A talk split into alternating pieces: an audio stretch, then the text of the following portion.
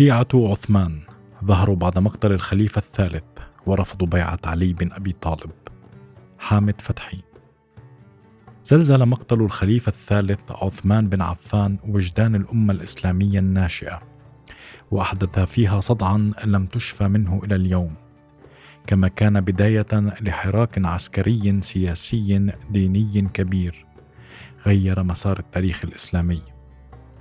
مثل الصراع بين الخليفة الرابع علي بن أبي طالب ومعارضيه ثلاثي الجمل معاوية الخوارج الكتلة الأكبر في هذا الحراك. وبجانبه وجدت كيانات ذات موقف سياسي ديني على رأسهم شيعة عثمان بن عفان الذين عرفوا في التاريخ باسم العثمانية. لم تظهر العثمانية في حياة الخليفة الثالث بل أتت كرد فعل على مقتله ولم تكن حزبا واحدا منظما. ولم تتشكل على موالاة بني أمية بل ترجمت بتجمعات متفرقة لمن ظلوا على ولائهم للخليفة المقتول ورفضوا بيعة علي بن أبي طالب أو تأييد معاوية في بادئ الأمر غير أنهم كانوا الداعم الأول لحراك ثلاثي الجمل عائشة طلحة الزبير. تركز الطرح الفكري للعثمانية على تفنيد الفكرة المركزية للشيعة شيعة علي المتمثلة في القول بأفضليته على أبي بكر وعمر وعثمان وأحقيته بالحكم عقب وفاة الرسول. فمن هم شيعة عثمان؟ وما الدور الذي لعبوه في حروب الفتنة؟ ترك مقتل الخليفة عثمان في عام 35 هجرية 656 ميلادية آثارا كبيرة في وجدان المسلمين وصدع بنيان الأمة الواحدة فانقسمت عدة فرق ثلاث منها كبرى علي ثلاثي الجمل ومعاوية وفرق أخرى صغيرة منها العثمانية ووراء كل فريق جماعة من الأمة. بدأت العثمانية بشكل عفوي ودون تنظيم مسبق إذ ظهرت من خلال عدة مجموعات في الأمصار المتفرقة عبرت عن ولائها لعثمان ووفائها لذكراه بأشكال مختلفة. لم يكن هذا التباين الوحيد بين شيعة عثمان إذ تباينوا كذلك في الدوافع التي ربطتهم بذكرى الخليفة. بين ما هو شعور ديني عميق وبين ما هو إحساس بالجميل أو منافع اقتصادية. وتختلف العثمانية عن الأمويين فالأولى لم تكن ذات مشروع سياسي أو مطمع في السلطة إذا ارتكزت قضيتها على فكرة القصاص بحسب ما يرد في كتاب الفتنة جدلية الدين والسياسة في الإسلام المبكر لهشام جعيط اختلف الأمر مع الأمويين وعلى رأسهم معاوية بن أبي سفيان. إذ كان محرك قضيتهم الطمع في السلطة ولأجل الأخيرة ركبوا موجة مقتل عثمان. ثمة اختلاف آخر بين الطرفين تمثل في طبيعة القوى المنضوية تحت كل منهما. فالعثمانية تكونت كأفراد من مختلف القبائل سواء التي شاركت أبناؤها في الثورة على عثمان ثم قتله أم لم يشاركوا. فيما تكونت كتلة الأمويين الرئيسية من الأحلاف القبلية في الشام والتي ربط بينها وبين معاوية وحدة عضوية نتيجة طول عهده في ولاية الشام. وفق طه حسين في كتابه الفتنة الكبرى علي وبنوه. ففي مصر التي خرجت منها المجموعة الأشد نقمة على عثمان والأكثر فعالية في حادثة القتل ظهرت العثمانية كرد فعل على الحراك السياسي ثم العسكري ضد الخليفة الثالث وتشكلت على إيقاع مضاد للدعاية الشديدة المناوئة لعثمان قبل مقتله. ثم عبرت عن نفسها بشكل مباشر عقب قتله وفق تحليل جعيط اتخذت عثمانية مصر موقفا اعتزاليا في البداية. لم يتغير إلا بعد موقعة صفين التي تعادل فيها الفريقان. ما شجع شيعة عثمان على العمل ضد والي الخليفة علي بن أبي طالب. قبل ذلك اعتزلوا الشأن العام عقب المقتل مباشرة وانتقلوا كجماعة مقاتلة إلى منطقة خربتاء غربي القاهرة التي كانت أحد معسكرات العرب في مصر. بدأ علي بن أبي طالب عهده بتغيير جميع ولاة الأمصار. فأوفد إلى مصر قيس بن سعد بن عبادة الذي حظي ببيعة أغلب العرب في مصر إلا العثمانية الذين اعتزلوا بخربتاء واتفقوا مع سعد على ألا يكرههم على البيعة مقابل ألا يتدخلوا في شؤون ولايته. وظلت تلك العلاقة قائمة بينهما حتى عزل سعد عن الولاية. وفق كتاب تاريخ الطبري. أما العثمانية ممن يدينون بالفضل لشخص عثمان بن عفان فهم ثلة من الوجهاء الذين أكرمهم عثمان بالمناصب والأموال الكثيرة وعلى رأسهم مروان بن الحكم وعلي بن منية والي عثمان على اليمن وعبد الله بن عامر والي عثمان على البصرة وعبد الله بن عامر الحضرمي والي عثمان على مكة وغيرهم ويمكن تسميتهم عثمانية الوجهاء. أما الكتلة الأكبر من العثمانية فهم من تشكل ولاؤهم نتيجة ما نالوه من مكاسب اقتصادية في عهد عثمان.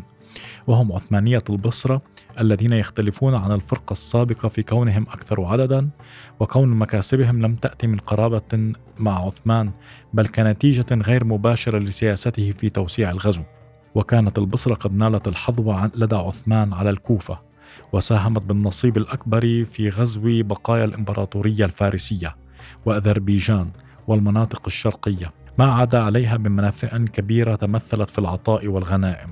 ولم يكن للبصرة حظ كبير في الغزو قبل عثمان أو اشتراك كبير في فتح العراق مثل الكوفة كونها أحدث عهدا منها وفق تحليل جعيط وحسين ورواية الطبري. يقول الطبري وجه علي بن أبي طالب عثمان بن حنيف إلى البصرة فلم يرده أحد عنها إذ لم يتخذ وليها عبد الله بن عامر موقفا وافترق أهلها فاتبعت فرقة الجماعة وبايعت عليا وفرقة أخرى لم تبايع وقالت ننظر ما يصنع أهل المدينة فنصنع كما صنعوا. وعلى الرغم من استتاب الأمر لوالي علي إلا أنه كان استقرارا ظاهريا إذ كانت عثمانية البصرة تنتظر من يحركها وهو ما حدث في موقعة الجمل ثم في صفين بعد ذلك. شهدت عثمانية البصرة تحولات فكرية عقب معركة الجمل التي راح ضحيتها الكثير من أبنائها في الحرب مع جيش الخليفة علي ما أدى إلى تحولها إلى من ارتباط عاطفي إلى أيديولوجية سياسية وفق مرجع جعيط بجانب ذلك وجدت عثمانية في اليمن ارتبطت بالوالي يعلى بن منية وظهر نشاطها السياسي في مناونة الوالي من طرف الخليفة علي. عبيد الله بن عباس ودعم حملة معاوية التي أرسلها إلى اليمن بعد موقعة صفين.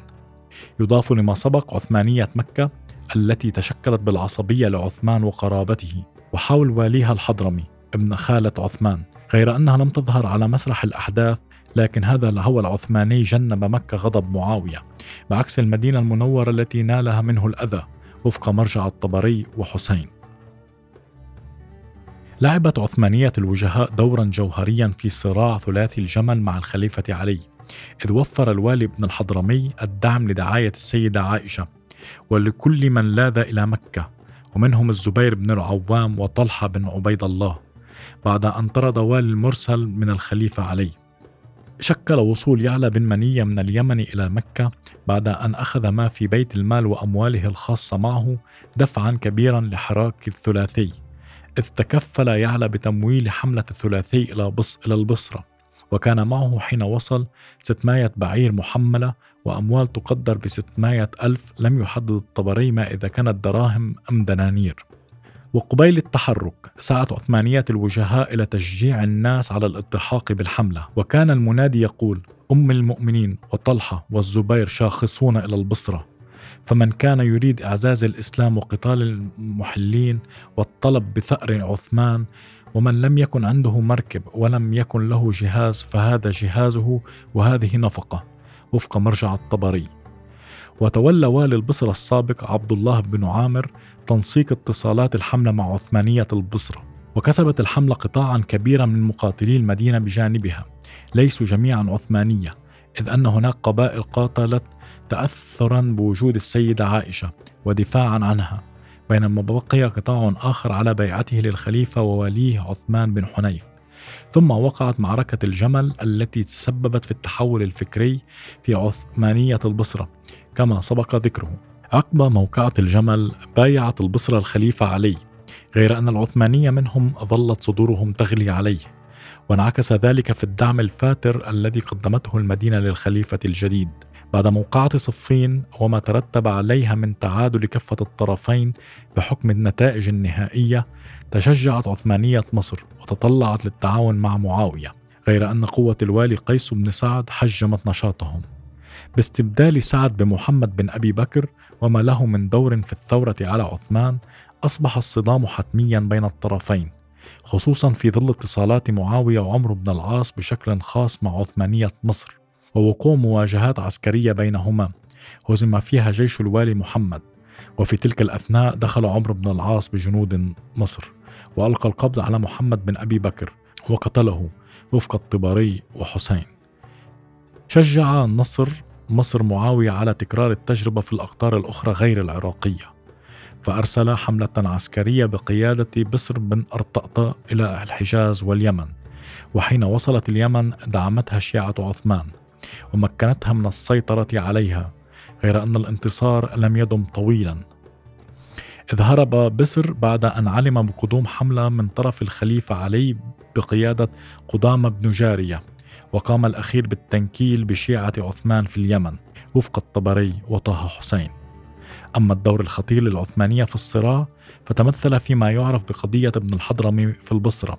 تبدأ القصة وفق رواية الطبري بمخطط بين معاوية وعمر بن العاص للتواصل مع عثمانية البصرة بهدف تنظيم انقلاب على الخليفة علي في مركزه في العراق. كان عبد الله بن عامر الحضرمي وفد إلى معاوية عقب موقعة الجمل فوقع اختيار معاوية عليه للقيام بمهمة تثوير البصرة. حسب تعبير جعيط وصل ابن الحضرمي إلى البصرة فنزل على قبائل بني تميم وانقسمت البصرة إلى عدة طوائف. طائفة عثمانية مع ابن الحضرمي. كتب الطبري عنها أن شيعة عثمان يختلفون إلى ابن الحضرمي وطائفة معتزلة وطائفة مع سلطة الوالي. وكتب زياد بن أبيه إلى علي بالحادثة فأرسل الأخير رجلا من بني تميم لحثهم على التخلي عن ابن الحضرمي. غير أن العثمانية قتلوه فأرسل علي رجله القوي جارية بن قدامة مصحوبا ب 1500 مقاتل وهو أحد وجهاء تميم. فنجح في إقناع القبيلة برفع الحماية عن ابن الحضرمي ولم يبقى مع الأخير سوى مجموعة صغيرة من العثمانية الأيديولوجية فقاتلهم جارية وقتل الكثير منهم ومنهم ابن الحضرمي. بذلك انتهى دور العثمانية في الصراع بين علي ومعاوية. كما فقدت حدتها الأيديولوجية لتعود مرة أخرى إلى ولاء عاطفي. اكتسب طابع التنظير مع نمو الثقافة العربية كان خير ممثل له الجاحظ ابن البصرة. لم ينل الإنتاج الفكري لمتكلمي العثمانية بتعبير الجاحظ أهمية لدى الباحثين كذلك الدور السياسي لهم ولم يكتب بشكل مستقل عن فكر العثمانية سوى كتاب العثمانية للجاحظ. وهو الوحيد الذي وصل إلينا عن فكرهم وربما توجد شذرات أخرى عنهم لكنها تتطلب بحثا كبيرا. يقول الجاحظ في مقدمة كتابه أما علماء العثمانية ومتكلموهم وأهل القدم والرياسة منهم لتشهد هذه العبارة على وجود حراك فكري للعثمانية. ومن خلال كتاب الجاحظ يمكن تحديد معالم هذا الفكر. يتناول الكتاب مسألة أفضلية الخلفاء الراشدين الأربعة ويفند حجج الشيعة شيعة علي حول سبقه بالأفضلية على من عداه من الصحابة. كما يتناول قضية الخلاف حول أسبقية علي أم أبي بكر في الإسلام. من خلال الكتاب يوافق الجاحظ الترتيب السائد عند السنة حول أفضلية أبي بكر ثم عمر ثم عثمان دون أن يهاجم عليا أو يشنع عليه. إذ ركز الجاحظ حول تفنيد أفضليته وما يتبعها من أحقيته بالحكم تبعا لهذه الأفضلية. يبدو أن الإنتاج الفكري للعثمانية لم يكن ذائع الصيت ولا أهمية كبيرة معلقة عليه لغياب مشروع سياسي حوله في وقت نشأ جميع الفرق الإسلامية من رحم الصراع السياسي. وافتقاد العثمانية لهذا البعد أدى إلى ضآلة وجودهم ثم غيابهم من التاريخ الثقافي. بجانب أن طرحهم النظري لم يأتي بجديد عما قاله أهل السنة.